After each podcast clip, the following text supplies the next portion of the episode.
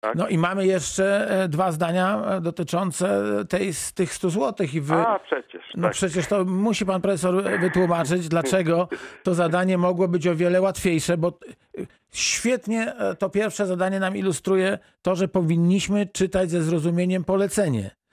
Tak? Bo je- było napisane, ile i jakich zwierząt kupimy, ale nikt nam nie powiedział, że musimy kupować wszystkie. O to chodzi. Musimy kupić 100 zwierząt. To zwierząt. Nie było podane tak, że muszą być każdego rodzaju zwierzęta kupione. Musi być spełniony warunek 100 zł wydane i kupione 100 zwierząt, bo gdyby jest. było napisane i wszystkie, i wszystkich gatunków, to wtedy e, wyliczenia, które za chwilę byłyby trafne, ale możemy powiedzieć, że nie musimy kupować wszystkich.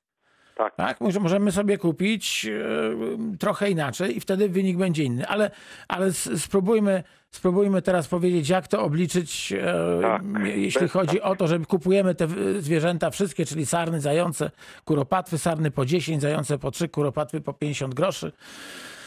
E, Ja powiem panu, że robiłem to metodą prób i błędów. E, Pomyślałem sobie, no jak sarny są najdroższe, to, no to, no to trzeba by je jakoś tam, nie wiem, może 5 kupić, może 6, może 8, no nie wiem. E, A jak to zrobić e, matematycznie? Ym, użyjemy w tym celu niestety aż trzech niewiadomych. No, Aż trzech niewiadomych. Niech X oznacza ilość kupionych sarn, Tak. Y zajęcy, a Z kuropat. Tak. X, Y, Z. No to tak. Wiemy z treści zadania, że X plus Y plus Z równa się 100, no bo w sumie jest Jasne. 100 zwierząt. jasne. Druga, drugie równanie będzie nam wyrażało, ile zapłaciliśmy. Czyli No więc 10x e, plus 3y plus Pół zeta, 0, 1 druga z. tak, daje też 100 złotych. Tak jest. Czyli mamy takie dwa równania. x plus y plus z jest 100 oraz 10x plus 3y plus pół z daje 100. Pomnóżmy pi- to drugie równanie, które teraz podałem, obustronnie przez 2. Dostajemy wtedy 20xów, proszę dalej mówić, 20x e, plus 6y Plus.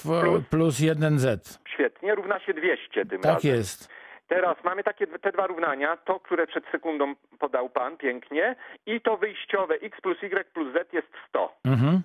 Odejmijmy stronami. Lewa odjąć lewa. Co nam wyjdzie? Ile 100. xów będzie? A ile x będzie 19? Świetnie, 19 xów plus 5 y. Tak jest. Zety się skrócą, Czyli w ogóle mm, nie będzie zetów. tak? Równa się 200 minus 100, 100. 100. Czyli mamy takie równanie. 19x plus 5y równa się 100. Tak. Przerzućmy 5y na prawą stronę i mamy tak, 19y xów Mhm. równa się 100 minus 5y. I teraz kluczowe, kluczowe spostrzeżenie. Liczba po prawej stronie Mhm. dzieli się przez 5, bo to jest 100 minus 5y. Tak jest. Ta liczba na 100% dzieli się przez 5. Mówiliśmy o tym na, przy pierwszym zadaniu. E, Akurat inna cecha tutaj, bo widać, że 100 dzieli się przez 5 Tak. i 5y. Czyli prawa strona dzieli się przez 5. To znaczy, że lewa też się musi dzielić przez 5, a lewa to jest 19xów. Mhm. Czyli to jaki możliwy jest x, żeby 5. żeby, żeby albo 0, proszę zobaczyć, gdyby x był zerem, to lewa strona wtedy jest 0 i 0 dzieli się przez 5.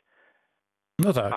Tak, a jaki jest inny x? 5. 5. I wtedy 19 razy 5 dzieli się przez 5. Tak Jeżeli jest. za x bym wziął 10, no to już dostanę 190 za dużo złotych. Jasne. Panie profesorze, niestety. Wniosek x jest zerem lub piątką, czyli będziemy mieć dwa rozwiązania.